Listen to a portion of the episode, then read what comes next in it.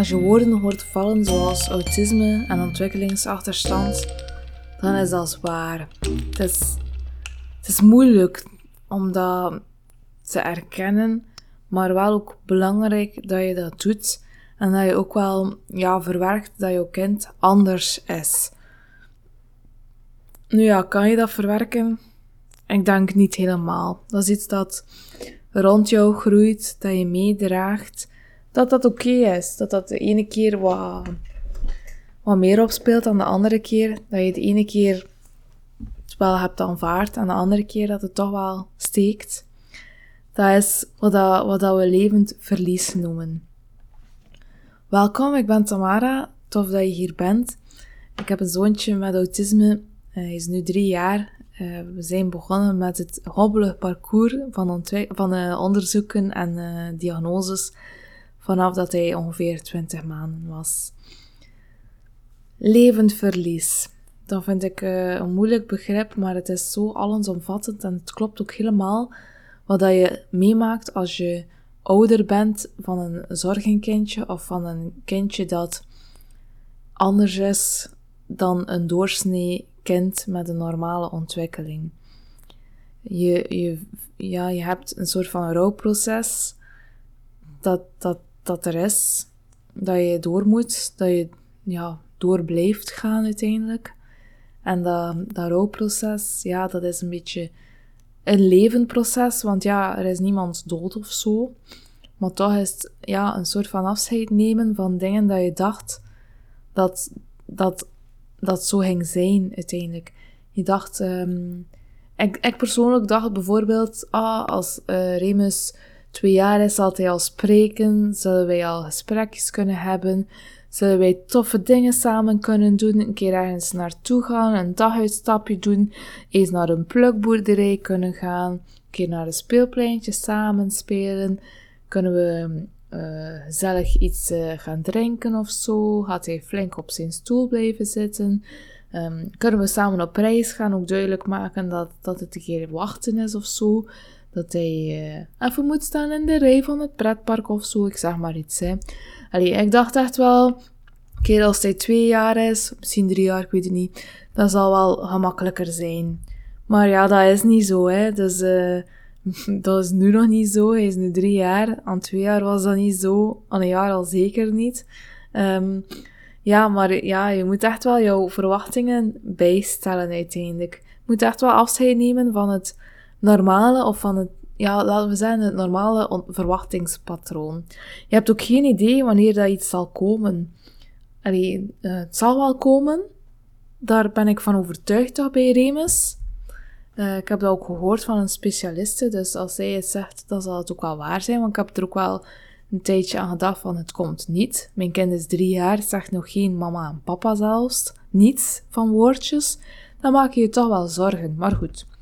Ze hadden gezegd dat het komt, dus ik geloof het. Maar je weet het niet, wanneer dat het komt. Dat begrijpen, uh, praten, gebaren maken, zoals zwaaien of zo, of wijzen, uh, de zelffase, ik wil zelf doen, dat heeft Remus niet, fantasiespel, komt het, komt het niet, en als het komt, wanneer dan? Geen mens die het weet, hè. Zelfs al koop je honderd boeken van autisme, er is niet één lijn, um, er is niet een kind die hetzelfde is als een ander kind met autisme en dezelfde ontwikkelingspatronen hebben. Dat is een beetje een nadeel misschien ook wel. Dus uh, we weten het gewoon niet. Hè. We moeten erop vertrouwen dat het wel zal komen en dat we ja, toch die handvaten kunnen geven om dat wat meer te stimuleren. Ja, verder moet je ook wel afscheid nemen van ja, hobby's we hadden Remus zo graag zo op die babyballers willen laten zetten, maar dat ging niet gaan. Remus zou weglopen, zou niet snappen dat hij moet wachten, zou um, misschien wel de bal afnemen van andere kindjes. Ja, sowieso zou hij dat doen. Dus um, we zijn eigenlijk al gewoon blij dat we een keer een pannenkoek kunnen gaan eten op een speelpleintje of zo. Dus uh, voetbalkampjes, verjaardagfeestjes, hobby's, dat zit er niet in. Nu niet en ik denk dat dat echt nog ja, voor lang niet zal zijn. Misschien zelfs ja, nooit. Allee, zeg nooit nooit. Het kan allemaal nog, hè. Maar het zal niet voor direct zijn in ieder geval. Daarnaast heb je zo ook dat je snel vergelijkt. Dat heb ik toch. En dat steekt telkens weer. Als ik merk dat een jonger kindje mentaal verder staat dan Remus. En dat is vaak uiteindelijk. Hè. Um, vergelijken is echt dodelijk. Hij praat nog niet en dan zie je zo kinderen die al hele zinnen zeggen en die veel jonger zijn dan Remus, die al flink op het potje gaan, die al ja, um, wijzen en doen. Mijn dochter wijst al, Remus heeft dat nooit gedaan. Dat is moeilijk, dat is confronterend, want dat toont dat jouw kind achterkomt en dat jouw kind of, of dat jouw kind anders is. Bij ons is het een en-en verhaal. Misschien is het bij jou niet zo. Um, maar aan de andere kant is het soms ook wel ja, goed dat je ook wel eens andere ouders hoort zeggen van ja, ja mijn kind uh, propt ook zijn mond helemaal vol met eten en heeft ook geen stop. Want dat is ook wel iets dat vrij kenmerkend is met kinderen met autisme. Die hebben zo geen rem. Die, als ik Remus bijvoorbeeld een boterham geef, dan moet ik daar stukje per stukje geven, want anders steekt hij al zijn stukken in de mond. En ja, kan hij niet meer kauwen, moet hij het uiteindelijk uitspuwen, omdat het dus niet gaat. Um, maar ik hoor dat soms ook wel van andere kinderen die dat toch ook doen. En dat is dan ook wel fijn dat je het ook wel een keer hoort van, oké, niet alles, alles dat Remus uh, niet zo goed doet, is, uh, is een signaal of is, is zoveel anders. Uh, dus dat is wel fijn. Maar op zich rouw je wel om wat je mist. Dat vind ik toch. Het normaal traject ontbreekt. Um, dat blijft misschien ook wel zo. En ik denk dat dat gevoel echt ook wel lange tijd kan gedragen worden. Dat kan ook zijn dat dat voor een tijdje weg zal gaan en dat dat voor een tijdje ja, weer terug zal komen. Dus um, ja, dat mag ook. Hè. Laat dat gevoel maar passeren. Laat dat gevoel er zijn als je dat zit. Als je dat hebt, dat is zeker niet erg. Ik denk niet dat je je kind daardoor teniet doet of zo, of, of vermindert of zo. Maar ja, dat is denk ik heel normaal dat je dat gevoel hebt. Hè. Uiteindelijk, je kind is anders. Dat is niet wat jij zelf voorzien hebt of wat, wat dat je gewild hebt. Maar we gaan er zo goed mogelijk mee om. Maar dat wil niet zeggen dat het soms wel niet een keer steekt. Of dat een keer, ja, dat je toch zo dat, dat rouwproces voelt. Hè. soms, ja, moet ik zeggen dat, dat we soms ook wel net kiezen omwille van Remus om bepaalde dingen niet te doen. Bijvoorbeeld, Remus uh, gaat nu naar school sinds januari. Dus hij gaat nu al een zestal maanden naar school. Hij is, uh, ja, ze oefenen bijvoorbeeld een, een dansje op het schoolfeest. Dan is, dan is Remus ook de enige die, die niet snapt dat er een dansfeestje is, die ook niet meedoet. En uh, dus ook niet mee oefent. En dat wilden we wel gaan, maar dan zei ik tegen mijn man van, waarom?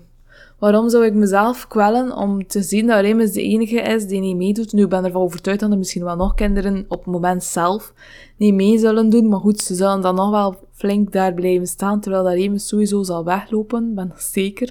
Zeker als hij ons zou zien. Dus uh, dan konden we wel beslissen om hem niet te laten meedoen naar het schoolfeest. Um, en gewoon te gaan. En dat was wat we aanvankelijk beslist hadden. Maar dan hebben we toch beslist om gewoon totaal niet te gaan. Want ik had er eigenlijk geen zin in om dan allee, zijn klasgenootjes alles wel goed te zien doen. En ja, Remus dan bij ons te nemen. En dan ja, te zien hoe, ja, hoe moeilijk dat het ook wel is voor hem om mee te doen. Hè. En ik had echt geen zin in die confrontatie. Dus daar heb ik ook al eerlijk gezegd tegen de juf van, kijk, dit lukt voor mij niet. Remus Souta op zich, hij beseft niet zoveel. Hè. Hij leeft echt heel hard in het nu. Dus um, wat dat er zal gebeuren, of wat dat er gebeurd is, ik weet niet of dat hij daar echt bij stilstaat. Um, bijvoorbeeld dat wij naar school gaan, dat beseft hij ook niet, denk ik. Pas als wij echt aan de school aangekomen zijn, dan gaat hij dat wel beseffen. Maar hij leeft vooral dus echt in het nu-moment. Dus dat hij niet in dat schoolfeest is, dat zal hij ook niet beseffen. Dus dat hebben wij ook beslist om dat niet te doen. Soms, ja, als er bijvoorbeeld familiefeestjes zijn of zo, of andere dingen, dan ga ik ook heel hard vragen van, ja, is het, is het in orde voor Remus? Kan hij kwaad uithalen? Kan hij, ja, is het gevaarlijk. Soms staan er zo van die vuurpalen of zo, dan, dan vind ik dat al veel te gevaarlijk. Of is er een tuin die niet afgesloten kan worden, ook al vrij gevaarlijk, want dan kan hij weglopen. Dus dat, dat zorgt er wel voor dat wij echt telkens weer, als wij iets moeten doen, of mogen doen natuurlijk, dat wij echt wel die overweging moeten maken van, ja, is het veilig voor Remus? Als er een barbecuefeestje gegeven wordt, is die barbecue op een veilige afstand? Of is er iemand in de buurt die ja, Remus toch een beetje in de gaten kan houden? Het zijn allemaal wel ja, belangrijke dingen en dat speelt allemaal wel mee om, om te kijken of dat wij wel iets gaan doen of niet. Niet heel ons leven is, um, vast, hangt vast aan Remus of is beslist en, eh, en wat het beste is voor Remus, maar toch ook wel een groot deel wel hoor, durf ik zeggen. Ja, ons huis is ook totaal aangepast op Remus. De deuren zijn, um, van de kasten zijn vast, dus ik kan er niet aan.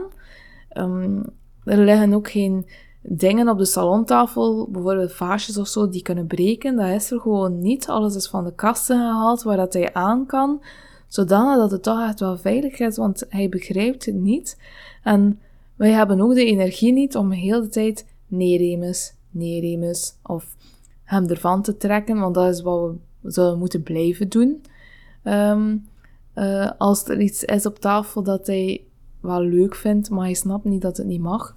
Dus daar hadden wij geen zin in, dus wij hebben daar echt wel ook zo uh, ons huis ingericht, zodanig dat er geen gevaar is of geen verleiding is, voor Remus cru gezegd. Wij, wij vonden dat een goede beslissing, wij hebben dat al gedaan sinds dat hij eigenlijk uh, ja, kon stappen, zeg maar hoor. Um, je hebt zo van die ouders die zeggen, ja, maar je kind moet dat leren dat hij niet in de kasten moet zitten. En daar ga ik zo mee akkoord. Maar mijn kind had daar moeite mee. Dat ging niet. Dus dan, dan moet je een andere oplossing bedenken. Hè. Mijn kind, Remus, slaapt ook nog steeds in een spelenbedje. Hij is drie jaar gepasseerd. Hij kan eruit klimmen. We zijn aan het zoeken naar een tussenoplossing. Maar een juniorbed, zelfs met zo van die randen, uh, kleine randen, waar dat hij dus wel zelf uit kan, maar toch een beetje die omheining heeft, is niet goed. Hij is vrij hecht aan zijn bedje. Dus um, dat is gewoon echt ook belangrijk dat hij dat heeft.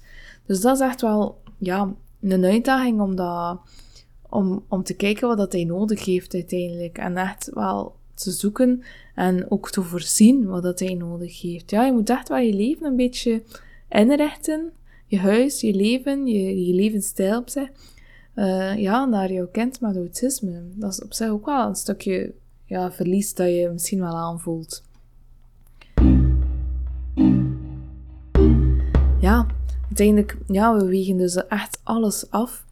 Um, ook als wij op reis gaan met een vliegtuig, ik zie dat echt niet zitten. Nochtans, het zou misschien wel lukken hoor, maar zo dat twee uur van tevoren wachten en het vliegtuig zelf uh, dan nog onderweg moeten zijn, dat zou echt niet lukken, denk ik. Maar ik weet het niet. Eigenlijk heb ik het gewoon nog niet geprobeerd met de Remus, maar we zien het niet zitten. Dus we doen dat niet. Met de auto lukt het eigenlijk wel nog, want de Remus zit super graag in de auto en op de fiets en zo, als hij maar kan buiten kijken. Dus dat doen we dan wel. Maar ook dat plannen we ook wel naar zijn rustige momenten.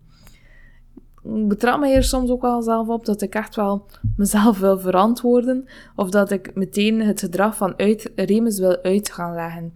Dus als Remus iets doet, um, dan ga je heel hard merken dat hij wel een beetje een, vertraging, een vertraging heeft.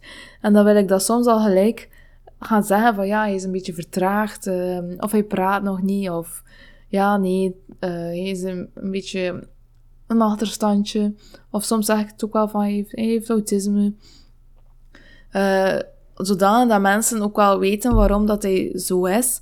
Maar eigenlijk wil ik dat niet doen, hè. Want mijn kind mag er zijn, mijn kind is anders, so what. Uh, um, dat mag. Hij is gewoon zichzelf.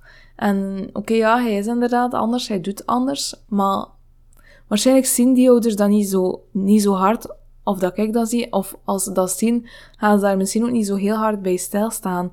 Maar ik wel, want ik, ik wil mij precies verantwoorden, verantwoorden en zeggen, ja, het ligt daaraan.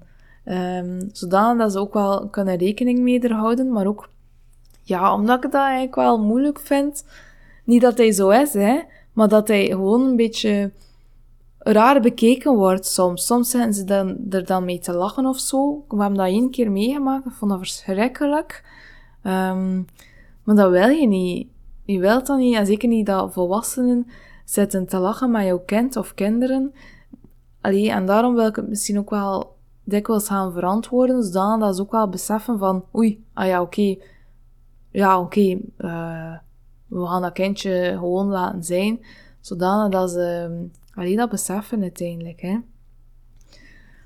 Dat was het voor deze aflevering. Vond het fijn dat je erbij was.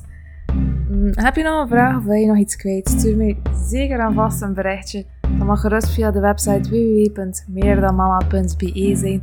Of stuur mij een berichtje via Facebook of Instagram. Dat is allemaal even goed. Tot later!